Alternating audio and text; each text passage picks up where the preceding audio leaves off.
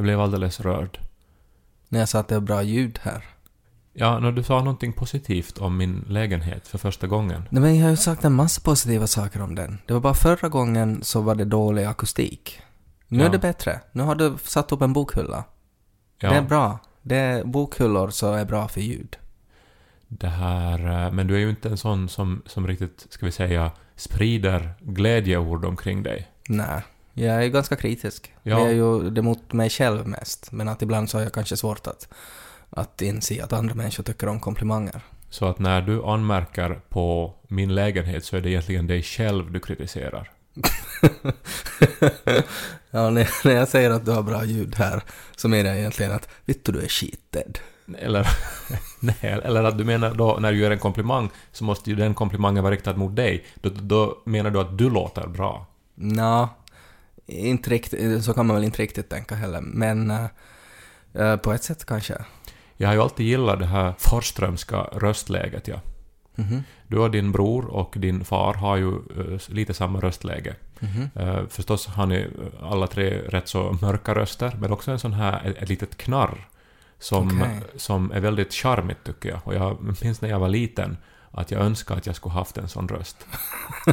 Som min pappa då. Nej, som ni hade hemma Okej. hos er. Vad är det för knarr då? Jag vet inte, jag hoppas ju att Lo kommer att få det här. Eh, det där knarret. Nej, det är någonting nasalt som Ja, finns. vi har ju väldigt sexiga näsor. Kanske det är det. Amerikanerna har ju the nasal twang. När de pratar. Sen är de väldigt så här. Och det Det tycker finns jag det ju här inte. i södra Helsingfors också. Ja, det finns det också. Men de väl, har väl varit mycket på utlandsresor, kanske. Ja, nu försöker jag hitta på febrilt då någon komplimang som jag kan säga om dina bröder och din pappa. Ja, jag har ju nu då redan, jag vet inte, En komplimang, och det var åt min pappa och min bror. Så jag skulle säga att du är så jättemycket på plus. jag skulle säga att under 15 år som vi har känt varandra har jag ju då och då lyft upp dig och höjt upp ja, dig. men det är sant. Ja. Jag har nog också gjort det med dig, men jag har kanske inte gjort det lika så här publikt. Sådär, att jag kanske har sagt sådär uh, åt folk som jag pratar med, så har jag sagt väldigt fördelaktiga och positiva saker om Kai Korkeaho. Mm. Men jag har inte skrivit liksom statusuppdateringar om det. Nej, vi skulle kunna... Vi har ju oerhört begåvade lyssnare, så om någon lyssnare känner för att klippa ihop en liten showreel av förolämpningar mot min sexualitet till exempel, som Ted Forsström har uttalat under jag. de senaste 75 avsnitten. När vi jobbar med humor så tycker jag att ibland att, att du måste liksom låta mig göra det. Mm. Att ibland när det blir, när du pratar om hur du har hållit på, oj oj, du är så dammig, du har varit i garderoben och, och skruvat hela dagen. Ja. Och sådär. Så då, då tycker jag att jag måste få skoja om det. Absolut, men eh, någon gång skulle man ju kunna också bara släppa eh, humorn och skämtgarden Mm. och liksom låta något så här ärligt och, och, Ja. och upplyftande Men då komma. finns det bara mörker kvar, Kaj. Så det kan jag ju inte göra. Men jag väntar ju nu. Vadå? Nej, men på den här komplimangen som ju måste komma om det här ska bli dramaturgiskt. Och om det här ska bli, vet du, Vad har jämvikt. snygga jeans idag då? Men har det du- tycker du inte. Du bara hävde du dig någonting. Nej men nu är det väl snygga jeans? Jo, men det Du har ju ofta har du väldigt snygga kläder. Alltså du har ju, du har ju fina kläder. Dyra fina kläder. Alltså, var det nu då betoning på dyra? Att du tycker jag har dyr smak? För det är ju inte en komplimang. Det är ju mera så här att jag är då någon sorts klädsnobb, Nej, vilket nog- inte är sant. Nu är det väl en negativ grej om man säger att han har alla sina kläder från Lidl. Nå, det, nu har de väl inte på den här affärskedjan så mycket kläder. Men... Det eh, har de faktiskt. Ofta så måste Janika stoppa mig när jag är där. Men du måste... Alltså kläder räknas inte heller. Det är som Varför räknas inte det? att... Nej, det är ju det, det första man ser med en person. Nej men... Jag vet inte, alltså komplimanger får väl förstås äh, betydelse först om de eh, så att säga träffar Men någonting är- som är är viktigt för den Jag andra. kommer hit, vi sätter upp en bananlåda, börjar banda podd och så kräver du komplimanger. Nej, no, okej, okej. Du sa ju redan faktiskt det finaste du har sagt till mig på 20 år, att här är fint ljud, Kai, i din nya lägenhet. Jag sa att du har snygga jeans också. Ennesi buen purmo puutvo össärvotling Som tala sitso popna popkun Så börjar vi popnödena popkun Så börjar vi lys på Ted och Kai Internet gick ju sönder igen. Jaha. Jag älskar när det händer.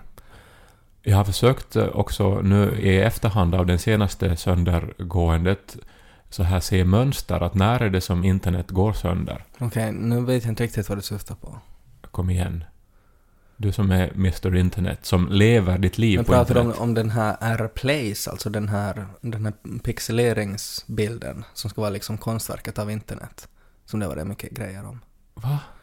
Okej, då var det inte då. Det var ju förstås Alexander Skarsgårds enorma penis. Helt missade den. Det, det, var ju det, enda, det, det, det förstörde ju internet. Okej, Mm. Alltså han är ju med i den här TV-serien, vad heter den nu då? True Big, Blood. Big Little Lies, heter den så? Ja, jag vet inte. Jag är inte insatt i hans... eller pratar vi nu om Alexander Skarsgård eller pratar vi om hans penis? Vi, vi pratar om... Jag Och- tänkte bara om de är med i samma serie eller om de på något sätt har... Att den är så enorm så att Alexander Skarsgård så vet jag har varit med i True Blood, men om hans penis är med i någon annan serie som heter Big Little Lies. Alltså det är väl en av de största serierna just nu på, på, på en av de här amerikanska kanalerna. Är det den här serien där det är massa stora namn, kändisar med? Ja, där är alltså Nicole Kidman och, och eh, det här eh, Reese Witherspoon ja, ja, och så vidare. ja, jag har sett reklam för det. Ja, no, ja, den hade väl sin final nu också som är väldigt omtalad. Mhm. Men eh, här då för en vecka sedan då så visade då Alexander Skarsgård något som verkar vara en, En alldeles penis. enorm penis. Men när du säger att han visar någonting som verkar vara det. Nå, för att nu har ju då diskussionen på internet då, efter att internet byggdes Men upp antingen igen. är det en penis eller så är det inte. Nej, men du vet att skådespelare visar ju sällan sina könsdelar. Ja, och det kan vara proteser också. Precis. Vi minns till exempel filmen Puggy Nights. Har du sett den? Nej, tror inte. En fantastisk film om 70-talets porrindustri. Mm. eh, Med Mark Wahlberg som spelar en sån här Ron Jeremy-aktig typ Ja. som har då en enorm penis. Och hela filmen kretsar ju kring hans karriär då. Och, Mm. och hur den här enorma penisen eh, påverkar eh, hans omgivning. Och, Mm. och, och sen är det bra musik och sen har den här framlidne som spelar Truman Capote, vad heter han? Den fantastiska skådespelaren Philip Seymour Hoffman. Exakt. En otrolig piroll eh, som, som Hans som, penis. han blir förälskad i den här porrstjärnan. Och det är en helt fantastisk film. Okej. Men sen eh, så, man får ju aldrig se penisen, utom då till allra, i, all, i den allra, okej det här är ju en spoiler nu då, men i den allra sista scenen får man se Mm. den till sist då. Bara en liten parentes nu för att jag inte kan släppa det. Att jag tror faktiskt att om någon skulle spela en annan mans penis så tror jag att det skulle vara Philip Seymour Hoffman. Att han skulle kunna ha gjort ett otroligt jobb som det. Vad menar du då? Nej, bara, bara hans tonläge och röst och utstrålning, att han skulle vara en väldigt, väldigt bra penis. Men menar du att en penis på något vis låter på ett visst sätt? Jag Nej, men- antar ju då jag har olika, in, olika förhållanden till penisar också. Ja, det tror jag nog. Men att han bara har, att, att jag tror att, att jag tänker mig att att om vi då ska ha en pratande penis med i en film så, så den kanske har en massa one-liners, den är ganska kul men ändå ganska känslig och sådär. Och jag tror att han, han skulle liksom klara av det här registret av känslor som en penis borde kunna ha. Möjligen. Um, Det är ju synd att han dog bara så att han inte kan, så att vi aldrig kan se den här filmen. Boogie Nights 2 men sen då när man till sist då får se Mark Wahlbergs enorma penis då, och det Mm. skulle vara nog förstås ett stort antiklimax eftersom man har pratat hela filmen om hans penis, aldrig om man inte skulle få se den. Ja. Eh, Så då är det ju då en protes han halar fram. Ser man att det är det då? Nå, den är ju väl gjord, Ja. Eh, men sen så har man ju googlat, det gör ju allihopa säkert. Ja. Eh, Och, Mark Wahlbergs penis. Ja. PNG. Och eh, då får man veta att det var en protes då. Ja. Och eh, det skulle nog vara otroligt också om de, vet du, ska ha en skådis med enorm penis och så råkar Mm. det bara vara en av Hollywoods största skådisar och så får man honom och så går han med på att visa penisen. Det är ju Mm. osannolikt. Ja. Eh, Så att där, därför får man ju anta då att det kanske då inte är Alexander Skarsgårds riktiga penis som han Nej. då halar fram i mörkret i Mm. den här... När du säger halar fram så, alltså det som jag tänker mig är en sån här Fisherman's Friend fiskare som liksom halar ur nätet. En enorm sån här Midgårdsorm liknande penis. Ja, men du måste som har liksom farit flera varv runt fartyget. Halar han upp det. Vågorna vågar omkring honom. Och sen Mm. får han fram penisen. Otroligt upphetsande just nu. och med den där rösten ännu till, du Ja. borde ju börja så här. Jag borde börja läsa, läsa porr. Finns det porr liksom, är du porrlitteratur för, för synskadade? Eller, Alltså ljudböcker alltså. Ja.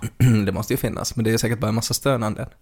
Nej men det måste ju vara, alltså framförallt måste det ju handla om, om rösten. Jag Ja. tror att du faktiskt skulle kunna läsa in porr på ett ganska eh, framgångsrikt sätt. Det var snällt Du sagt. och Mårten Holm.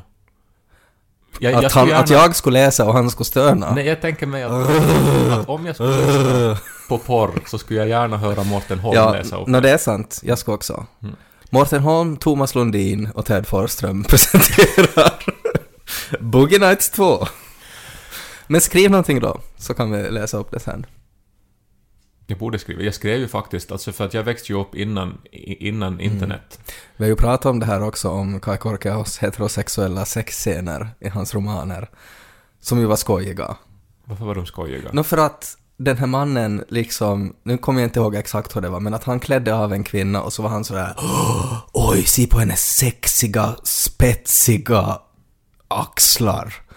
Och hennes sexiga, konkava armbågar. Sådana här saker som inte är speciellt upphetsande Ja, liksom. nej, nå, jag kan ju nog bara nu, eh, alltså, alltså helt, alltså det där var ju helt taget ur luften. Och sådana beskrivningar har jag ju förstås Nej, aldrig men jag kommer inte skrivit. riktigt ihåg hur det var, men att åt det hållet. Ja, nå, till saken hör ju att när jag skrev en sexscen som ingick i min allra första roman, Mm. eh, så det här eh, hade jag ju aldrig legat med en kvinna. Nej. Så jag måste ju rådfråga folk och Mm. googla kvinnor och googla sex mellan män och kvinnor. Och googla hur kvinnor rör sig och, och, och, och, och, så hade jag ju en lång intervju med dig. Men var jag full då? Alltså, sa jag med flit fel åt dig? För att jag på något sätt tyckte det skulle vara roligt att läsa så. Men det skulle ha varit otroligt elakt och jag, och jag antar nog att jag i det skedet var så pass, för att när jag blir riktigt inne i en skrivprocess så, så är jag så här oerhört Lättlurad. allvarlig Ja. och eh, så här oerhört mån om att verkligen få det, få det liksom, Mm. få svar på de frågor jag har och få ner den på papper. Så jag tror nog att jag skulle ha identifierat om du... Ja, om du om jag tror nog att jag var- försökt hjälpa dig också. Men så om den där sexscenen är dålig så är det ju då du som... eh, För det är ju ditt sex jag skriver om. Ja, men jag förstår inte varifrån de här armbågarna kommer Alltså i det sk- sk- skedet då när de här människorna har sex så är det ju din blick. Alltså, Min beskrivning, det som jag har sagt åt dig. ja men det är ju det som du ser och det som du vill, vill Ja. ha. Ja. Så Så när det kommer fram något så här att de viskar erotiska Star Wars-dikter åt varandra, så då vet du att okej, det, där, det där har inte Kai skrivit själv då. Men faktum är att eh, när jag då var ung, eh, utan internet eh, och utan förstås i, i lilla Esse så hade man ju inte heller någon sorts kiosk med en massa K-porr-tidningar. Det var inte så här en enorm... det skulle tänka att det funnits behov av det. Alltså att det skulle ha funnits någon så här Leifs bögkiosk ba- bakom kyrkan. Där det bara fanns liksom Bottholles magasin eller vad det finns. Jag vet inte vad det finns. Leifs bögkiosk i Överessi. Mm, Ja. mm, ja, men så då hade jag ju inte Leifs bögkiosk då. Nej. Fast om någon SE-bo där ute nu eh, liksom lyssnar på det här Eh, och vet inte vad ni ska göra efter grundskolan, så starta fast en kiosk som tillhandahåller saker som inte finns i SE. Nej, plus att det där är också sådär när man vet att hur mycket bögporr säkert, eller hur mycket porr överlag det finns på internet, så att det där är ju att man faktiskt har alltså de finaste bögporrtidningarna fixar man till den här kiosken, att man faktiskt liksom bläddrar och läser artiklarna och sådär, att det är någonting fint i det och någonting retro. Ja, men så det var ett tag då som jag alltså skrev mina egna eh, noveller då, som Mm. jag läste då till min stora egna glädje då. För att det fanns ju inte någonting. Men det är ju roligt det där att man skriver själv någonting som man tycker är upphetsande. Ja, och, och det är ju också väldigt Men avslöjande. glömde du bort det sen då? Nej, jag önskar ju att jag skulle ha kvar de här, men Ja. det var ju då, alltså, det här var ju över och det här var ju eh, i den stora lutherska eh, ångestens eh, tidevarv och högborg. Eh, så det här, jag eldade ju upp de här sen Ja. i en ritual. Alltså jag tog sån här tändarbränsle och gick ut på bakgården och, så, och så dränkte jag de här sidorna eh, Ja. i, i tändarbränsle och Vad tände på. tragiskt. Ja, jag önskar jag skulle ha dem kvar idag. Ja. Så skulle du kunna läsa upp dem. Ja. Du och Mårten Holm. Oj. Men det som jag nu fortfarande då fokuserar på är alltså att du har ännu inte pratat om Alexander Skarsgårds penis, hur den förstörde internet. Nej men den förstörde internet, det var det enda som Det var bara det alltså att, existerade. att folk bara pratar om att var den fake eller inte. Ja, nej men alltså det var ju som när Kim Kardashian hade den här... eh, Alltså hon visade ju upp sin rumpa med ett champagneglas på för några år sedan. Och då gick ju också Ja, den internet sönder. bilden ja. Ja. Mm. Och, eh, och som att jag blev bara intresserad av vad, vad är det som förstör internet? Och liksom, eh, krävs det just en stor kändis som visar en, könsdel, eller eh, räcker det till, Kommer till exempel det här nu då att förstöra internet för att jag avslöjade att jag skrev porrnoveller som barn, som jag läste själv Nej, och det tror eldade jag inte. Men alltså kändisar och nakenhet, det, engagerar ju folk. Det är intressant också när man tänker så här i svensk Finland, vi har ju nu pratat om Mårten Holm lite och sådär. Uh, men att det har inte varit någon sån här liksom sexskandal bland finlandssvenska kändisar. Alltså att det skulle komma fram nu att det finns en, en uh, inte vet jag, bandat någonting med en viss person ur humorgruppen Kai till exempel. när de liksom No, men när- ra- rasistiska hat Nej, nej, utan alltså saker. där det är någon no nakhet alltså, Alltså, helt jag- enkelt. Att det har, inte, det har inte varit någon sån skandal i svensk Finland. Vem skulle det vara då? Vem har sån här nakenskandalspotential? no, no, ja, Professor Henrik Meinander? No, inte, om, om du tänker på nakenhet och sex så tänker du väl på men professor ju- Henrik Men, Meinander nej, men då? det är ju ofta någon som, som är så här oväntad. Ett annat sätt att spränga internet är ju till exempel att man har en klänning som vissa tycker att är blå och andra tycker att är vit. Det, må, alltså, det, det måste vara liksom en bild av Jukka Isojokis penis och så blir det en diskussion att vilken färg är det?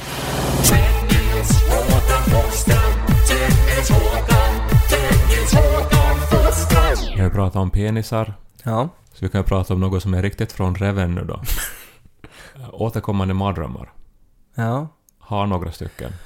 Ehm, som eh, jag alltid glömmer bort att, att det är återkommande tills jag har dem igen. Och sen Mm. är jag som att jaha, gamle vän. Mhm. Eh, och eh, jag har ju lärt mig att igenkänna mönster också. Har du Million som återkommer i mardröm? Nej, Det har jag. Det är ganska många som har det. Alltså att, att det här att, att man, man är helt övertygad om att jaha, nu är jag här då igen i sex månader åtminstone. ja, men mina mardrömmar påminner lite grann eh, om det där just att du var låst i en situation Mm. och det finns ingen väg ut. Nej, att det är totalt hopplöst. Ja. Och eh, den här som jag har nu haft igen eh, så har alltså... Alltså den kommer liksom med, med små variationer men det är alltid då jag som har eh, haft ihjäl en annan människa.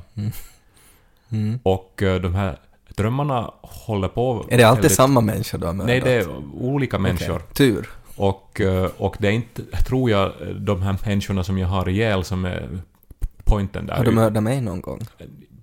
Jag tror att en gång hade jag haft ihjäl dig också. Det var efter det här sexhjälpen i den här boken. Men eh, alltså det är liksom att de håller på så pass länge att jag hinner eh, dels förstå i drömmen logiskt varför jag måste mörda den här människan. Okej, så du har som en orsak? Ja, och sen så, så, så sker själva mordet. Mm. Har du rättegång och allting? Nå, för att sen så, så pågår drömmen alltid också eh, länge efter mordet. Mm. Eh, så att jag på något vis eh, hinner eh, ångra att jag har gjort det. Mm. Och sen så, eh, så hinner jag liksom drabbas av svåra sk- skuldkänslor. Mm. Och när jag vaknar, eh, och och det är aldrig liksom med ett ryck, för att det är inte en sån mardröm. Nej. Men jag vaknar med den här otroligt fruktansvärda vetskapen om att jag har nu då haft ihjäl en annan människa. Men är det inte en otrolig lättnad sen då? Nej, när du vaknar? Att, för det är det som är speciellt med den här drömmen att, Att den du här, har faktiskt mördat någon. att jag är helt täckt i blod när jag vaknar. Varje gång. att jag äh, liksom under flera minuter inte är säker på Är det om, eller om det här har hänt. För att det, i drömmen så hade hunnit gå dagar Mm. och att jag har hunnit liksom leva och somna och vakna och, Mm. och så här. Så att jag är som länge då osäker Mm. till den grad att jag var tvungen att fråga Heko här nu då, äh, när det här hände då, att, att inte har jag väl mördat någon. Mm. Och så han att nej, inte tror han det. Men skulle du ha berättat åt Niko då? No, vi, vi är ganska öppna nog med varandra. Ja. Eh, men det här... eh, men jag har... Jag minns att jag hade den här... Redan när jag var typ tonåring. Mm. Och sen så hade jag en riktigt stark sån här dröm som gav upphov till min första roman, Säg till mig som liten är, som jag Mm. skrev eh, när vi studerade i Åbo 2007-2008. Och eh, eh, den, den här drömmen gjorde liksom ett så starkt intryck på mig att jag, att jag måste skriva om eh, den här känslan. Mm. Eh, men att då var jag ännu inte heller kanske medveten om att det var en återkommande dröm. Nej. Men idag har jag insett att okej, det är en sån som, som jag har. Ja.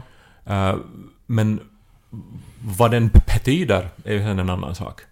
Ja, det är ju på något sätt liksom din hjärna har ehm, benägenhet till att hantera stress eller ångest på ett visst sätt och sen när du sover så, så behandlar den vissa minnen och associationer på ett specifikt sätt som gör att en sån här dröm formas. Typ. Ja, men det är som på något vis, det här just att, att man har gjort någonting oåterkalleligt. Så att jag undrar ju nu, Mm. hör det ihop med den här lägenhetsköpet eller någonting? För att det är ju på, på, på ett sätt en oåterkallelig grej. Inte Ja. alls, jag kan sälja den här lägenheten om jag vill bli av Mm. med den. Uh, men jag har ändå så, som tagit liksom ett stort Mm. beslut Alltså som att man är, man är, man är fucked. Helt enkelt. Ja, och att man har liksom orsakat det själv. Ja. Ja, det kan ju hända. Ja, jag tycker inte alls att det, det är liksom så långt draget det. Har det varit något så här djur eller andra symboler i den här drömmen då? Det var ju enligt Jung var det väldigt viktigt det där att just att finns det ormar, är ormar med? Alltså försöker du få det här till något sexuellt Nej, också? eh, bara för att jag säger ormar så behöver du väl inte tänka på Alexander men, Skarsgårds eh, enorma penis? om du säger ormar med den där minen. Vadå? Så här vet du. Ett, ett, ett, ett skratt. jag bara tänker om det är stora slingrande ormar, kobror som spottar dig i ansiktet. Ett skratt bakom dina läppar. Ja, Mm. okej, Nej. så det är inte ormar. Alltså, nu har ju jag igen då försökt berätta någonting riktigt som traumatiskt och allvarligt från mitt liv. Mm. Och, Och du gjorde det jättebra. och, och du skrattar bort det nu då. Jag bara frågar, jag är inne på så här drömtydning och symboler och sådär, och ormar är en väldigt återkommande symbol. Mm, har du återkommande mardrömmar? Eh, Som jag redan var inne på så Milin är en sån där, alltså som är förknippat med stress och ångest, att man är fast, att man kommer inte ut, att man, man, man, man har inte liksom kontroll av sitt liv på något sätt, tror Mm. jag. Är det ofta mycket karrar i dina drömmar? Eh, Ja, som när man är i Milin så är det ju mycket karlar. Mm. Och det här är en återkommande dröm. Väldigt, ja ibland. Inlåst med en massa karrar. Mm. och att det är ångest och stressigt. Ja. Men när jag var liten så hade jag en återkommande dröm om... Det fanns väl, var det i Bamse det fanns den här lilla vargen? Nej, det fanns en stor svart varg. Ja, det var i Bamse, men det fanns någon annan serie, eller är det Disney? Alltså en liten varg med en röd konstig hatt och så hade en, sto, en stor varg som hade en blå hatt, som var likadan. Kommer du ihåg något sånt? Nej. Okej. Nå, då har jag väl drömt det då. Men det var en sån här återkommande grej att, att det var att jag, jag hängde med den här vargen väldigt mycket. Men det var inte alls sån här ångest utan att det var bara en sån här, hoppas att jag får se fortsättningen på den här drömmen. För det var en, bra dröm. Och sen kom om, ångesten sen att det var som, en, det var som att, att man såg en serie men att man fick aldrig se slutet. Alltså, har du känslor alls? vad, vad pratar du om? Det, är ju, det, det, det, det här är ju någon sorts sån här barndröm som du pratar om. Nej men jag sa att jag hade barn, att det här är en dröm som jag har kommit ihåg sen jag var barn. Att, att jag kommer ihåg att jag drömde ofta om det där. Ja. Men... Och jag, jag vet inte varför jag gjorde det. Och det var ingen, ingen ångest eller någonting i det, utan det var, det var därför det var så konstigt. Varför kom jag ihåg den här drömmen? Jag skrev drömdagbok en tid som barn också. Och, och det är ju det mest förvirrade man kan läsa. Men det handlar mest om Roxette säkert. Claes Eriksson har jag drömt om också, den här mannen från Galenskapen och After Shave. Att Och Johan är det Nej, vi var tillsammans och... och, och Ni var tillsammans, alltså som ett par? Nej men nej, att vi, vi, vi, vi var ute och gick Okej. på promenader och pratade och han gjorde roliga röster och sånt. Det låter ju som en väldigt bra dröm. Lite slöseri kanske, tycker jag. Alltså, så tänker jag ofta med drömmar. När man är sådär att man kan drömma vad som helst. Precis vad som helst. Det finns inga begränsningar. Du kan vara ute i rymden, du kan vara i en fantasivärld, flyga på drakar, vad som helst. Och så drömmer du att du är ute och går med en gammal gubbe från Göteborg. Men nu är ju det nu en mer vettig dröm än någon så här du ska flyga på drakar. Nej men jag tycker bara att det är slöseri, tycker jag. Att, för jag menar, du kan ju få ut och gå med gubbar när som helst, men du kan ju inte få flyga med drakar. Det kan du bara göra när du drömmer. Jag tycker det är vackert det här med att en ung man med aspirationer, ambitioner att bli författare och komiker, Mm. eh, drömmer om en, om en äldre författare, Mm. komiker, som man så gärna vill, vill eh, fråga allt möjligt och så Ja, här. det är väldigt fint. Mm. Jag har aldrig sagt att det inte skulle vara fint, jag bara tyckte att så här, när det kommer till drömmar, att det är lite slöseri tycker jag. Kanske någon har drömt om dig någon gång? Ja, det hoppas jag ju. Någon som har aspirationen på att bli författare? De har mördat mig. Ja. Om och om igen.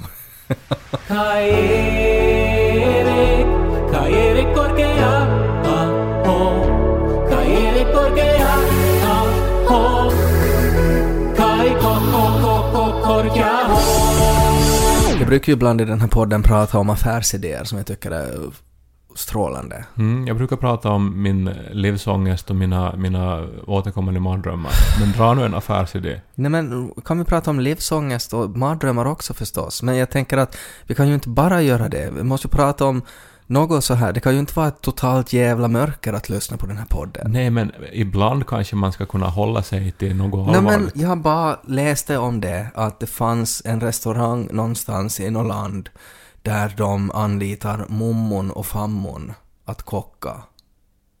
Alltså gratis arbetskraft. Nej, de får ju lön för helvete. Men att det är liksom en, en restaurang som inte har en fast meny, utan att varje vecka så är det Mommo Korkea-aho som gör maten. Och så gör hon liksom den mat hon är bäst på att laga den veckan. Ja, no, min farmor är underbar, men hon är ju en, en, en, en galning i köket. Så här, att det är ju, det är ju risgrynsgröt med franska och sånt. Men det var lite det jag var ute efter också, att, att det är ju inte, det är ju den här liksom, kanske finns en sån tanke om att de flesta mormödrar och farmödrar är, änglar i köket, men att det är ju inte alltid så, utan att det är ju just sånt där att de sätter, för att de förstår ju, de vet ju inte, de, Nej. inte vet de ju vad kebab är, så de sätter sylt på det. Och sen är det ju liksom, alltså, du, lever och, och liksom blodpudding och kål och vet Ja. du, alltså, alltså sånt som man säkert, vet du, som var delikatesser då Mm. strax efter kriget. Ja. Då, då, då, då, då, man inte hade så mycket råvaror. Nej, nej, som man, som man var tvungen att göra. Precis. Och, och, det är ju helt och hållet vidrigt ofta.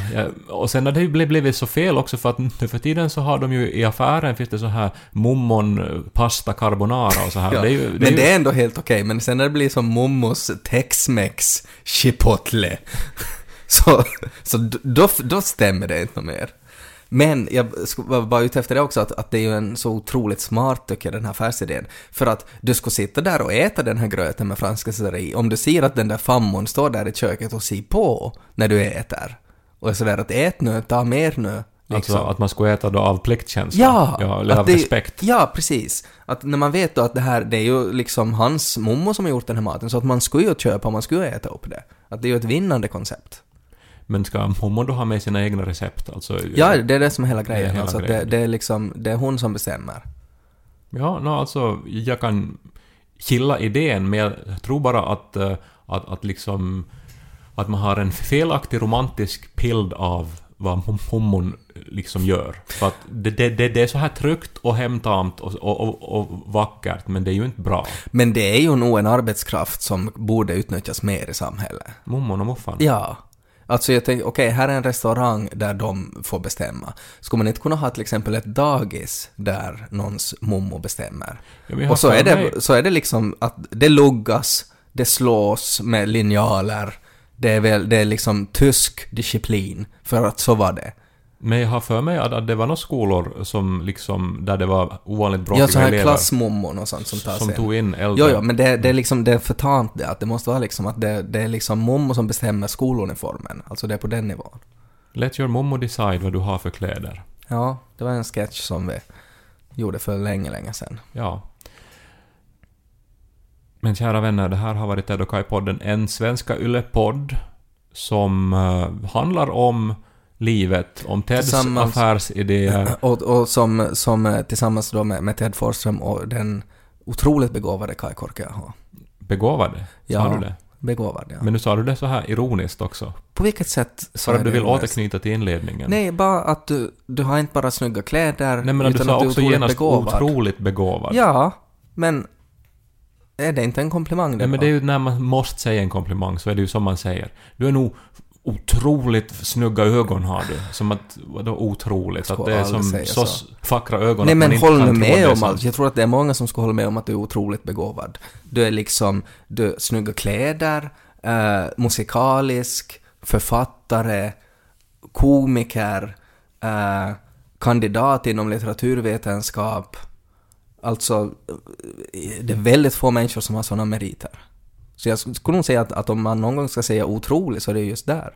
Du hade ju typ 9,8 i vitsord i högstadiet. Men det är, det är ju 20 år otroligt. sedan. 20 år sedan. Nej men bara att, det, att otrolig är ett relevant ord att använda i den här situationen för att beskriva Kai Korkeaho. Nå, nu har du tagit i så du spricker.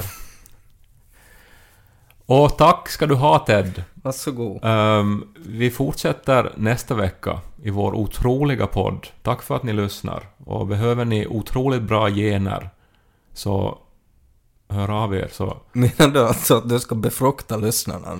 Nej, är det det du säger? Niko och jag, hur vi än försöker, det blir inga barn.